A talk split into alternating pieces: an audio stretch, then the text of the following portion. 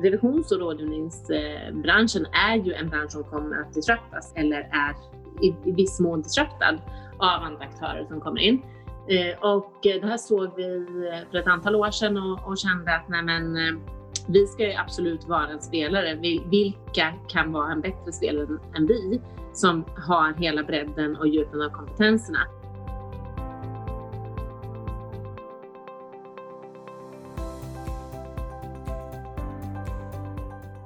Varmt välkommen tillbaka till Konkurrenskraft, podden där vi pratar om eh, framtidens beslutsfattande, verksamhetsstyrning och ledarskap. Jag som håller i samtalen heter som vanligt Robin Askelöv och är marknadschef på Hypien, ett eh, techbolag inom just beslutsstöd och verksamhetsstyrning som ju också ger ut den här podden. Som vanligt så försöker vi belysa de här frågorna från en rad perspektiv och det gör vi genom att träffa intressanta människor med spännande erfarenheter som de ju allra helst vill dela med sig av. Och eh, den här gången skulle jag vilja prata om en bransch som sysselsätter inte minst många ekonomer. Ibland ifrågasatt, men som alltid har en väldigt stor betydelse i eh, näringslivet. Och eh, på ett sätt också en förutsättning för förtroendet som vi har för varandra i affärer. Något som inte minst är viktigt i tider av väldigt mycket osäkerhet som jag tror att många ju faktiskt känner igen sig i. Det handlar om revisionsbranschen som hos de stora aktörerna innehåller både revisorer och eh, managementkonsulter. Och eh, den största aktören i Sverige, PWC, har fått en ny svensk VD. Och därför är det jättekul att säga varmt välkommen till dig, Sofia Götmar Blomstedt. Stort tack! Hur, eh, hur står det till med dig? Det är bara bra. Spännande tider som vi befinner oss i just nu såklart. Både spännande och utmanande men med väldigt många möjligheter. Så att, det är bra. Kul! Och jag, jag, tycker att det är kul att ha dig här av många skäl. Eh, för att jag är nyfiken på utvecklingen i er bransch, för att du nu som VD i den här stora organisationen, har du många spaningar jag vill ta del av. Men också för att HypeIN och PWC ju faktiskt är eh, partners och går ut med en gemensam lösning för riskanalys. Det är jättekul. Eh, kanske kommer tillbaka till det. Men eh, så många skäl till att jag är glad att ha dig här. Det är ju som sagt lite speciella tider som du var inne på. Eh, man kommer höra det på ljudet, vi sitter inte i samma rum utan kör det här samtalet på länk. Eh, du är i Malmö, jag sitter här i studion i Stockholm. Jag misstänker att ni precis som alla andra påverkas av eh, covid-19, eller vad, vad, säger du? Nej, men eh, det är självklart att vi påverkas av, av covid-19 men samtidigt så tycker jag, precis som jag var inne på initialt, att man får också se möjligheterna. Vi har ju sett en, en digital explosion det senaste halvåret och det tror jag kommer gynna oss eh, framåtriktat oavsett i vilken bransch eller vad vi, vad vi jobbar med för någonting. Och det är mm. väl det som jag tycker eh, kännetecknar när jag pratar både med mina kollegor i Sverige men också mina kollegor globalt. Hur snabbt vi anpassade oss till att faktiskt kunna eh, både leverera tjänster, interagera och, eh, och utveckla saker tillsammans eh, i en digital kontext. Så att, eh, det är lite extra spännande nu att vi sitter och gör den här eh, podden så här digitalt och se hur, hur väl det faktiskt funkar. Mm, ja, men verkligen. Jag tänkte jag skulle dra lite kort om din bakgrund också bara så att eh, lyssnarna är med här. Eh, du inledde din karriär på Skatteverket 92 har jag läst mig till.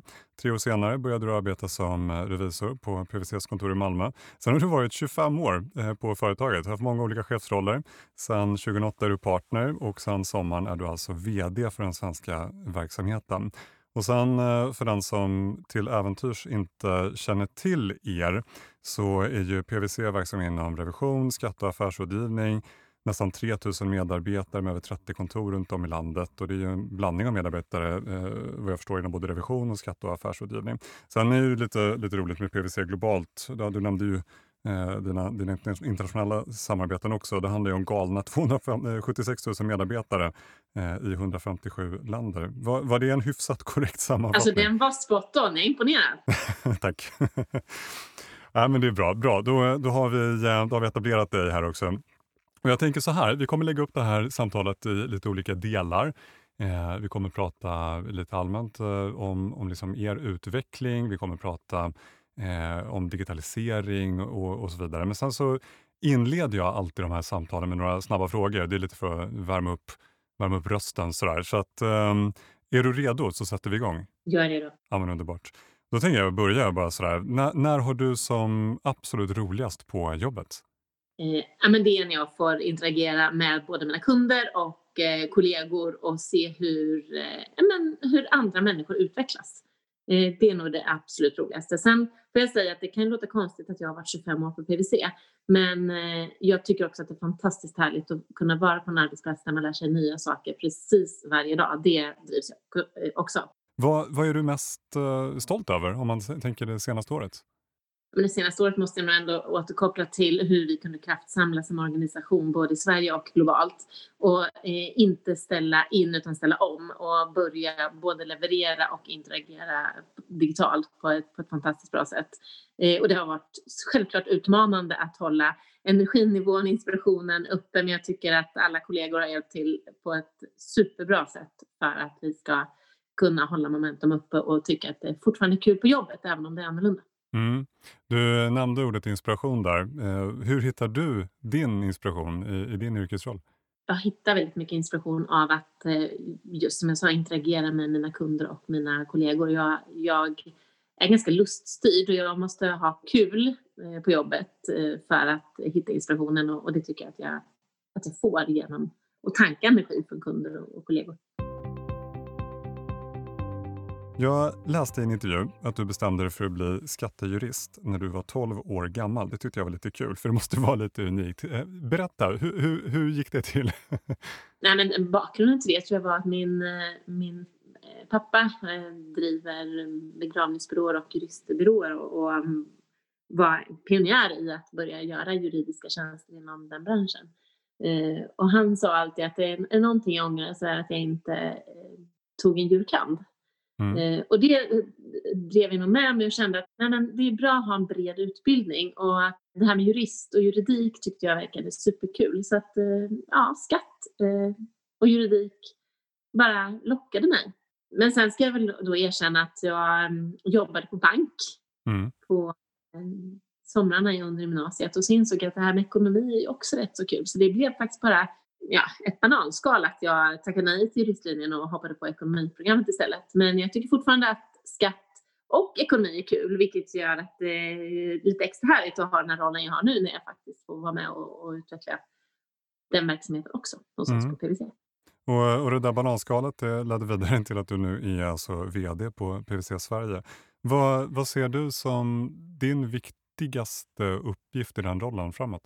Men det är ju att verkligen inspirera alla medarbetare att ta oss eh, framåt tillsammans. Jag tror vi har så fantastiskt mycket olika kompetenser. Vi har en bredd och ett djup av kompetenser som faktiskt ingen annan har. Eh, och när, om vi kan använda det här och hjälpa våra kunder ännu mer tillsammans med hela den här bredden och djupet, då eh, tror jag att dels att, att vi kommer att vara helt oslagbara, men jag tror också att det kommer att vara väldigt, väldigt kul att jobba eh, hos oss. Eh, kanske ännu roligare än vad det är idag. Mm. Eh, och det känner jag att, att inspirera till att få ihop ett PVC på ett väldigt bra sätt, det, eh, det känner jag som min viktigaste uppgift. Sen är det ju eh, också så att jag brinner för digitaliseringsfrågor, vi kommer säkert in på det sen. Mm. Eh, jag brinner för mångfald och jämställdhet och inkludering och det, det är väl också saker som jag känner att jag vill förändra både på PVC men också i samhället i stort. Och kan jag bidra till det, då kommer jag vara stolt. Du, du är ju som sagt relativt ny nu i, i rollen. Hur kommer medarbetarna märka att det är du som har tagit över rodret? Men vi har ju en eh, strategi som vi kallar för ett PVC för framtiden och den eh, står fast. Jag tycker fortfarande att den känns helt rätt. Det är klart att den kommer fyllas med lite annat och den kommer i, i viss mån att, att justeras Eh, för att det är jag som är, har tagit över rodret och jag drivs och jag är en annan person än bara Peter, min företrädare var. Eh, men i grunden så ligger den strategin fast. Så jag tror i, i, på det sättet kanske man inte kommer att, att märka det så mycket, men jag tror att man också kommer märka att eh, vi får ett ännu större fokus just på det här med mångfaldsfrågor och jag tror också att vi kommer att givet utvecklingen också såklart, att se ett, en mycket snabbare tempo i digitaliseringen. Mm. Dels kopplat till det New World New Skills som vi på PwC globalt driver, där vi tar ett, ett ansvar att upskilla våra medarbetare men också att spela en roll i samhället i, i en upskilling-kontext. Du har ju som sagt jobbat på PWC i 25 år. Under den tiden har ju revisionsbranschen genomgått många förändringar som jag tycker är, är spännande. Inte minst har ju revisorns roll också hamnat mer i strålkastarljuset. Jag tänkte bara att vi skulle börja där eh, lite snabbt. Och för att ge lyssnarna lite bakgrund. Många minns kanske den stora Enron-kraschen i USA, början på 2000-talet. Eh, då blev ju frågan om revisorers ansvar central. Enrons fall drog med sig då gigantiska revisionsbyrån Arthur Anderson eh, vars roll i den härvan ledde till att de ifrågasattes kraftigt. Sen har det funnits flera fall under, under åren, både internationellt och, och faktiskt också i Sverige, där revisorernas och eh, eh, styrelsernas, ska tilläggas, ansvar eh, vid olika skandaler har diskuterats. Inte minst kommer man in på oberoendefrågan. Eh, och, och med den här bakgrunden kan man ju säga att det, det är inte alltid eh, liksom revisorernas framgångar som uppmärksammas, för som vanligt är det ju eh, Eh, när det är konflikt som det kittlar och det är då media också hakar på och lyfter fram. Vad, vad är dina tankar kring den här utvecklingen? Då tänker jag liksom både den externa bilden och, och er självbild också. Mm. Eh, nej men det är helt rätt som du säger att det, det har varit en del skandaler och det har varit en del eh, jag, jag, tror att det handlar rätt så mycket om att tydliggöra vad är revisorns roll och kanske också förändra revisorns roll. Och eh, tittar man tillbaka så handlar det här egentligen om att vi har ett förtroende i samhället generellt mm. som har eh, krackelerat under kanske 10-20 års tid. Det ser vi ju både på den politiska arenan, vi ser det globalt, vi ser det också i Sverige. Och det är klart att det påverkas för att det revisorer gör, det är ju att skapa förtroende för den finansiella rapporteringen. Mm. Det är liksom vår yttersta uppgift. Och det är klart att då blir ju kravet ännu större på revisorerna någonstans, eller förväntningarna blir ännu större på revisorerna att verkligen fylla det här förtroendegapet. Eh, och där tror jag det handlar inte om att det är systematiska fel på kvalitet och compliance och de har ju förstärkts extremt mycket under de senaste, skulle jag säga, 10-15 åren. Mm. Och har blivit som sagt väldigt compliance-inriktade. Eh, jag skulle vilja att vi kom lite mer åt kvalitet i ett mer generellt perspektiv. Jag tror också att vi behöver jobba med både vad är revisorns roll? För att jag tror att det, det är diskrepans över vad lagstiftaren säger att revisorn ska göra eh, och vad media och eh, samhället uppfattar är revisorns roll. Eh, dels måste man stänga det gapet men sen kanske man också behöver utifrån en, en mer lagstiftande roll fundera på vad ska revisors roll vara? Om samhället utvecklas så kanske man behöver utveckla vad en revisor också ska göra utifrån att skapa ett förtroende. Ta till exempel en sån fråga kring fraud. Mm. Där, där tror jag att det är en ganska diskrepans utifrån vad är egentligen revisorns roll där och vad uppfattar media? Där media och samhället i stort uppfattar nog att man ska göra mer än vad revisorn faktiskt idag ska göra. Så att eh, jag tror det är två delar i det. Det ena är att man måste stänga gapet av förväntan men framförallt så tror jag att man måste förändra rollen så att den anpassas också utifrån hur eh, samhället ser ut idag. Mm. Och det är ju bara lagstiftare och regelmakare som kan hjälpa till att göra det. Mm. Alltså, du nämnde det här gapet, jag tycker det är rätt spännande för det, det delar den bilden att uh, det verkar i alla fall utifrån så att finnas ett gap mellan revisorer, allmänhet, media och ibland också politiker vad gäller synen på, på revisorer och, och er roll. Va, vad tror du att det där gapet beror på? Varför är det så? Jag tror att vi som bransch inte har varit tillräckligt tydliga. Det är en del i det. Att, att förklara vad, vad vår roll är. Eh, och jag tror att det här har kommit upp lite mer på agendan. Man tittar i länder som till exempel eh, Holland och UK där det är en ganska stor debatt i, i samhället i stort. Vad är styrelsens roll? Vad är eh, revisorernas roll? Mm. Och, och, och, hur ska man kunna stänga det här gapet? Och jag välkomnar ju att man, att man gör det och att vi både som bransch men också att media skulle ta ett, eh, ett eh, också en del i den debatten att försöka stänga det gapet. Sen tror jag tyvärr att man kanske inte alltid löser den där frågeställningen genom att göra ännu mer regleringar och ännu mer compliance-krav. Eh, jag tror inte alltid att det är det som gör att man får en mer förtroendeingivande och rätt revision anpassad till 2020 och framåt. Mm, mm. Nej, för det, de här förändringarna är ju rätt tydliga. Jag tycker också om man, om man tittar de senaste åren, så ni som bransch genomgår ju en, en ganska djupgående strukturell förändring. Förutom det vi redan har pratat om, som ju kanske de senaste 20 åren, så har de ju senaste säg tio åren inneburit mycket annat. Revisionsplikten togs bort 2010. Flera av revisionsbyråerna har sålt av eh, redovisningsdelarna. I ert fall knoppade ni av redovisningsdelen genom att skapa företaget Aspia med 1500 mm. anställda. Och istället då, eh, tolkar det som, så adderar man ju nya och, och, faktiskt ganska mycket mer kreativa tjänster inom design, webbutveckling, varumärke. Ni köpte ju eh, den här eh, eh, designbyrån Pond, precis, den känner jag ju väl till sedan tidigare. Andra exempel är ju Deloitte köpte digitalbyrån Mobianto och sen, så, sen tidigare har ni ju, och, och de andra stora har ju som sagt delar som handlar om, om ren rådgivning och management consulting. Men om, om man bara kort fokuserar på den strukturförändringen med att ni knoppar av vissa delar, adderar sånt som kanske historiskt inte riktigt har kopplats till, till revisionsbyråer. Vad, vad handlar det om och vad är drivkrafterna bakom det? Nej, men jag skulle vilja säga att det är, det är digitaliseringen eh, primärt. Mm. Eh, och eh, att kunna vara eh, det rätta bollplanket mot, mot företag och organisationer ute i samhället. Och om vi, om vi tar då anledningen, en av anledningarna till att vi avyttrade vår redovisningsdel, det var helt enkelt att eh, vi såg ett, ett väldigt stort behov av att digitalisera till exempel revisionstjänsten. Och det har vi ju jobbat med inom PWC under, under eh, de senaste fem åren.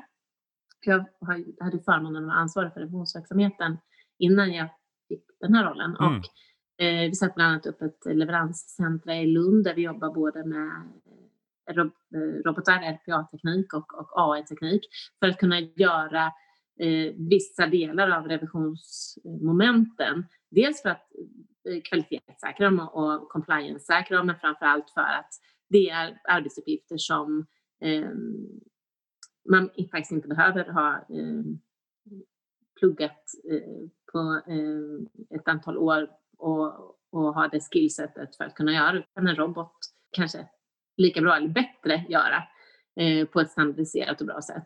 Och att göra den där typen av investeringar som vi ser att vi behöver göra för att kunna vara attraktiv arbetsgivare och för att kunna vara en attraktiv leverantör till våra kunder så kräver det ganska mycket investeringar och att då göra den investeringen även inom tjänsteområdet redovisning där det krävs motsvarande investeringar utifrån eh, möjligheterna som faktiskt digitalisering ger oss att kunna göra stora delar av redovisningstjänsten med digitala verktyg. Eh, det såg vi att det var bättre att någon annan eh, aktör gjorde den investeringen mm. så kunde vi fokusera på den här delen och samtidigt addera på utifrån vår strategi då att vi vill växa vår rådgivningsverksamhet och inte vara ett, en revisionsbyrå utan gå från revisionsbyrå till ett revisions och rådgivningsföretag som vi har haft som strategi de senaste åren. Just det. Och, och, digitaliseringen är ju verkligen, om man bara spinner vidare på det, det, det är ju någonting som jag sett även tidigare att du har pratat mycket om. För jag, jag läste tidigare intervjuer i samband med att du klev på som, som VD. Då, då pratade du mycket om att just hållbarhet, mångfald, digital expertis är framtiden för er som företag och kanske också, om jag tolkar dig rätt i de intervjuerna, lite avgörande för, för er framtid. Kan du utveckla mer kring just de tre delarna? Vad är det som, säger, att, eller vad är det som gör att du, du pekar på just de tre delarna? Mm. Eh, om vi börjar med, eh, vi kan börja med digitaliseringen då. Eh, jag har ju tyckt så då under ett antal år, dels för att jag, jag ser att revisions och rådgivningsbranschen är ju en bransch som kommer att disruptas eller är i, i viss mån disruptad av andra aktörer som kommer in. Eh, och det här såg vi för ett antal år sedan och, och kände att nej men, eh, vi ska ju absolut vara en spelare. Vilka kan vara en bättre spelare än vi som har hela bredden och djupen av kompetenserna? Men vi måste också komma in i ett snabbare förändringsläge och faktiskt anamma Eh, den nya digitala tekniken på smarta sätt så att vi kan eh, också vara konkurrenskraftiga och, och ge de här de bästa råden utifrån en, en digital värld. Mm. Så det är därför jag tycker att den, den är ju, var extremt viktig. Covid har gjort att den här är helt avgörande. Mm. Och, och, det är lite grann som jag nämnde då, det här New World New Skills, där vi globalt eh, har ett program Eh, vi började med en digital fitness app som vi haft under ett antal år. Den gjorde vi också tillgänglig nu för, för eh, samhället i stort. Just det, den har jag faktiskt varit inne och klickat i. Den är ju den är faktiskt rätt intressant. Ja, ja. Kanske vi kan tävla vilken score du har. ja, vi får se. Ehm, men det är ju ett sätt att, att, att lära sig lite grann av de här nya teknikerna, lära sig hur det kan appliceras i, i, i olika situationer i, i samhället i stort, i, i sjukvården, i eh, trafikplanering och vad det nu må vara. Eh, så den gjorde vi då tillgänglig under covid till eh, samhället för att man, om man till exempel var permitterad eller man satt hemma och pluggade och, och ville få lite, förkovra sig och göra något roligt och samtidigt eh, lära sig nya saker. Eh, men det där byggs på med ett ganska stort program där alla medarbetare kommer gå igenom eh, ett program, lite grann på olika nivåer. Eh, men att lära sig om data analytics, lära sig om, om eh, RPA, robotisering, lära sig att själv kunna använda de här verktygen och, och bygga lösningar både utifrån ways of working men även utifrån de tjänster vi levererar till våra kunder. Mm. Och det här gör vi till alla våra medarbetare globalt hela PWC-nätverket och det, det kommer ju ändå förhoppningsvis ge en ganska stor impact i att upskilla eh, en del av samhället. Mångfald, den är, den är flerdimensionell för mig. Den allra viktigaste frågan är det, det är att det, PVCs värdegrund och min värdegrund är alla människors lika värde. Eh, och då blir den fundamental, att vi, vi ska ha mångfald eh, hos oss eh, som företag. Den andra delen i det är att jag tror inte att man får in tillräckligt många perspektiv om man inte har mångfald. Och jag mm. tror i en sån snabbföränderlig och komplex värld vi lever i nu så måste man ha flera perspektiv för att eh, vara framgångsrik. Eh, och all forskning visar ju att eh, företag som kännetecknas av mångfald är lönsammare och har bättre tillväxt. Mm. Så det, det, är ju en no-brainer skulle jag vilja säga. Eh, sen när vi pratar hållbarhet, eh, ja men den eh, tyckte jag väl också faktiskt var, var otroligt viktig utifrån, jag tror vi alla tyckte det och jag tror att Greta eh, kom med en ögonöppnare för de flesta av oss under förra året var väl det. Eh, och jag tror att för att både vara attraktiv men också att vara en, en aktör i samhället så, så behöver man ta det här ansvaret att vara en good citizen. För att om inte vi alla hjälps åt att förändra detta så kommer vi inte lyckas. Mm. Eh, och nu pratar vi mer hållbarhet kanske ur ett miljöperspektiv. Och där, det är ju aldrig något ont som inte har något gott med sig. Och även där, precis som med digitaliseringen, så ser jag ju trots allt att covid har haft en positiv inverkan. För jag tror att vi är ganska många. Dels har man stannat upp, reflekterat över sin omgivning på ett annat sätt. Jag har gjort det personligen, tycker jag. Eh, man är ute och promenerar, ser andra saker när livet stannar upp lite grann som det gjorde i våras.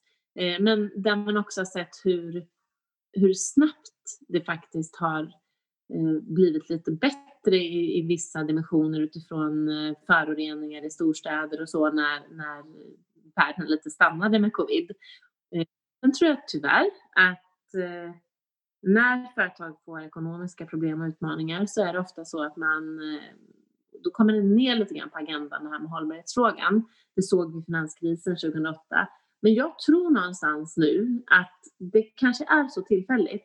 Men ser vi den effekt, till exempel bränderna i Kalifornien just nu, så tror jag ändå att, att vi har fått en riktig ögonöppnare. Så jag tror att det här kommer komma tillbaka på, på företagens och i, i oss som medborgares agenda eh, ganska snart. Mm. Eh, så att, eh, den är väl också good citizen men också att, att vara en attraktiv arbetsgivare och eh, bidra till till ett hållbart samhälle. Sen är hållbarhet vidare perspektiv och det handlar också om balans i, i tillvaron. Eh, och det är också någonting som, jag, som ligger mig väldigt varmt om hjärtat och där jag också tror att vi har fått en ögonöppnare med covid och det sättet vi lever. Och det är ett av mina främsta mål att se till att vi behåller de goda sakerna som faktiskt har varit under de här månaderna med oss in i framtiden. Mm. Så att vi inte kommer springa in i ekorrhjulet igen utan att vi stöttar och hjälper våra medarbetare att vi ska kunna lyckas med det. Ja, men det är intressant att få dina, dina spaningar från de här frågorna för det här är ju verkligen frågor som många går runt och, och funderar kring. En, en ytterligare sak som jag tänker kopplat till um, eh, digitaliseringen är ju att den ju också öppnar upp möjligheter till, um, till samarbete. Och där handlar det ju om att uh, också använda sig av sina kärnkompetenser och koppla ihop det med andra som har sina kärnkompetenser. Jag nämnde ju tidigare eh, att eh, vi på Hypien och PWC, vi har ju ett samarbete där vi kombinerar er kompetens inom riskanalys med med vår produkt och det här ger ju en molnbaserad tjänst för alla som vill få stenkoll på sina risker och sitt riskarbete. Skulle du säga att det är ett exempel på hur ni arbetar med digitaliseringen och, och, och liksom möjligheterna som det skapar? Nej, men den, den där är ju klockren tycker jag. Eh, det är ju så att jag tror inte att man som en organisation eller ett företag kan utveckla allting utan jag tror att det kommer handla om att vara framgångsrik nu och i framtiden kommer handla väldigt mycket om partnerskap. Att man utvecklar eh, smarta digitala lösningar och så kopplar man ihop det här. För det är ju någonstans människa och maskin eller digitalisering och vi människor eh, som i kombination skapar eh, det där eh, lösningen. Mm. Eh, och just det som du nämnde nu tycker jag är ett klockrent exempel på det. Det är många företag som jobbar med och, och behöver göra riskanalyser.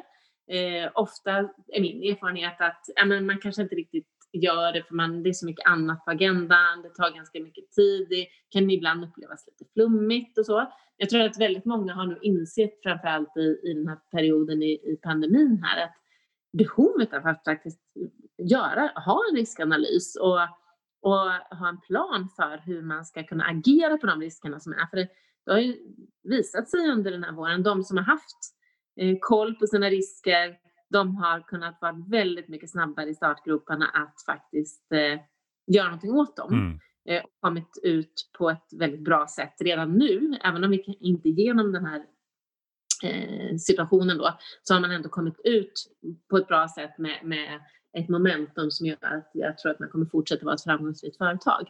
Och, och jag tror att det där kommer vara superviktigt att man faktiskt har fokus på sina risker. Och att då kunna göra det med hjälp av den här eh, digitala lösningen som, som vi jobbar med tillsammans med er. Det gör ju att man kan göra det här på ett extremt mycket enklare sätt där man faktiskt digitalt gör sin riskanalys en och en, till exempel i en ledningsgrupp eller i en styrelse och sen så kan man få ihop det här och sen diskuterar man det i form av en workshop ehm, när allas input har någonstans kommit in istället för att man ska sitta i, i långa workshoppar och börja från början. Mm. Eh, det är ett typexempel på hur man kan kombinera digitaliseringen på det sättet där man kan använda den smartast och sen koppla ihop det med det mänskliga där man behöver våra vidare perspektiv i hela. Så att, eh, ypperligt bra exempel på hur eh, man kopplar ihop just de här och hur man då kan jobba i partnerskap för att eh, skapa ett värde. Mm. Ja, men kul. Och, och Sofia, jag tänker om du säger lite om eh, framtiden här. Eh, hur kommer PVC att se ut om tio år? Jag tänker liksom, vad är ert största existensberättigande? Vad är det ni levererar om tio år för att vara så, så relevanta som möjligt? Eh, jag tror att vi kommer att eh, vi kommer fortsätta att jobba med revision. Vi kommer ha en ännu större del rådgivning, eh, är min spaning. Jag tror att vi kommer, en revision kommer vara väldigt stor del digital leverans. Och det är i mångt och mycket också för, för att möta de här compliance och kvalitetskraven som det ställs på att göra revision. Ehm, det är rätt mycket av de, av de delarna som är eh, men de är inte, det är inte så utvecklande arbetsuppgifter eh, mm. i det.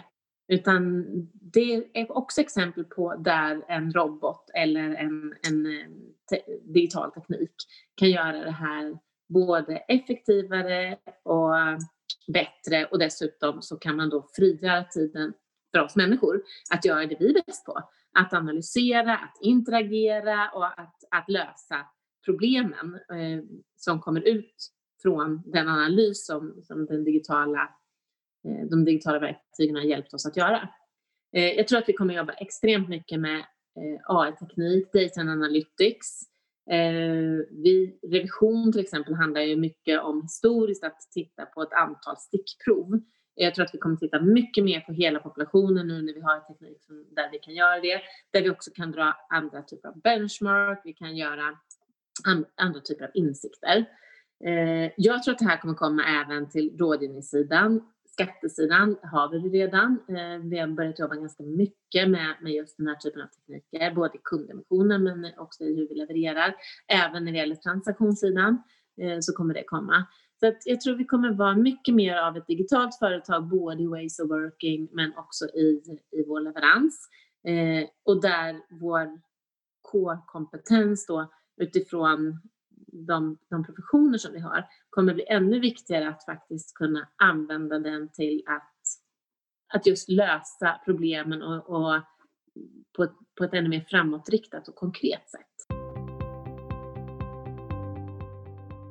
Jag tänker att vi eh, ska byta spår för en stund. Eh, jag brukar alltid ha med mig tips på managementlitteratur i alla avsnitt som jag då också passar på att få, eh, få lite gästens reflektioner kring. Då kanske inte boken i sig, för jag kräver inte att du ska ha läst den, men, men eh, jag nämner några utdrag som jag tycker är intressanta. Och eh, när jag funderade på vilken bok som jag tyckte passade för idag så funderade jag då kring förtroendebegreppet. Du har ju faktiskt redan varit inne på det eh, några gånger. Det är ju som sagt centralt både för er och för er bransch. Eh, och då påminnes jag om en riktigt bra bok som jag läste för länge sedan, eh, skriven av Stephen M. R. Covey, eh, som jag tänkte skulle prata lite om. Den handlar alltså om eh, The Speed of Trust. Eh, en bok som har sålts i över två miljoner exemplar. Handlar om betydelsen av eh, hur man bygger förtroende och betydelsen av förtroende. Vilket ju på ett sätt också är kärnan i det som revisorer ägnar sig åt, precis som du var inne på. Så den, den eh, kändes passande. Och ehm, bara, bara kort för, för lyssnaren så att ni hänger med på vad jag pratar om här i den här boken. Det finns en hel del riktigt bra resonemang. Eh, mycket handlar om att förtroendet i framgångsrika team och organisationer är högt. Och tvärtom, i dysfunktionella organisationer och team har man ofta förtroendebrister. Det kan röra sig om en chef som mikrostyr sina medarbetare, teammedlemmar som inte litar på varandra, en grupp medarbetare som tappat förtroende för ledningen eller för den delen kunder som inte längre litar på företagets löfte. Och eh, ett tidigt resonemang i den här boken är att om förtroendet mellan parter går upp går också farten i relationerna upp och, eh, och då går ju också kostnaderna ner, till exempel transaktionskostnader i en affärsprocess. Men om förtroendet går ner, ja, då går ju också farten ner och kostnaderna ökar. Man kan ju säga att förtroendet är oljan i maskineriet som, som gör saker enkelt eller svårt.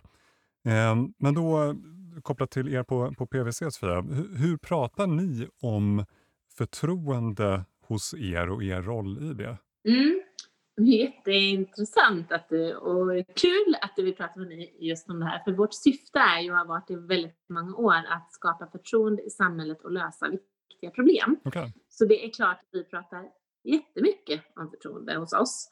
Ehm, den är ganska logisk tror jag eh, för alla som jobbar med revision. Eh, för det är liksom någonstans basen för hela den tjänsten, att skapa förtroende för just den finansiella rapporteringen och skapa ett förtroende för investerare och samhället i, ute i, i näringsliv och samhälle. Eh, men vi pratar väldigt mycket om den även inom rådgivningsverksamheten och det handlar ju dels om ett förtroende mellan varandra hos oss som jobbar på PVC och det pratar vi särskilt mycket om faktiskt just nu och det senaste halvåret i, i min nya ledning. För att jag tror väldigt mycket på att man måste ha ett förtroende för varandra för att eh, ta med en kompis, som vi brukar säga. Mm. Eh, om vi ska kunna få eh, erbjuda våra kunder ännu bättre lösningar så behöver vi, som jag var inne på tidigare, gå ut i ännu högre utsträckning med bredden och djupet av vårt tjänsteutbud. Vi, vi, har ju allting som du var inne på, från management consulting till skatterådgivare och skatterådgivare inom väldigt många olika skattekontexter. Vi har också eh, personer som är, är, duktiga på affärsjuridik och vi har eh, eh också väldigt duktiga personer på, på risk, eh, cyberrisker och eh, olika typer av, av finansiella risker. Mm. Eh, och sen har vi ju då eh, också såklart, eh, ja, jag vet inte om jag nämnde managementkonsulter och, och revisorer såklart. Och att, att skapa förtroende för varandras kunskap där är superviktigt. Och hur skapar man då förtroende? Eh, men jag tror att det handlar om att man behöver lära känna varandra. Man behöver också förstå vad, eh, vad den andra personen drivs av för någonting. För då kan man förstå det agerandet på ett annat sätt. Så jag vill koppla ihop förtroende väldigt mycket med att jobba med ledarskap. Och både leda sig själv men också att leda andra och förstå vad är det som driver mig och vad driver min kollega. Ehm, för då kan man få, men då uppstår, då uppstår ju musik någonstans. Mm.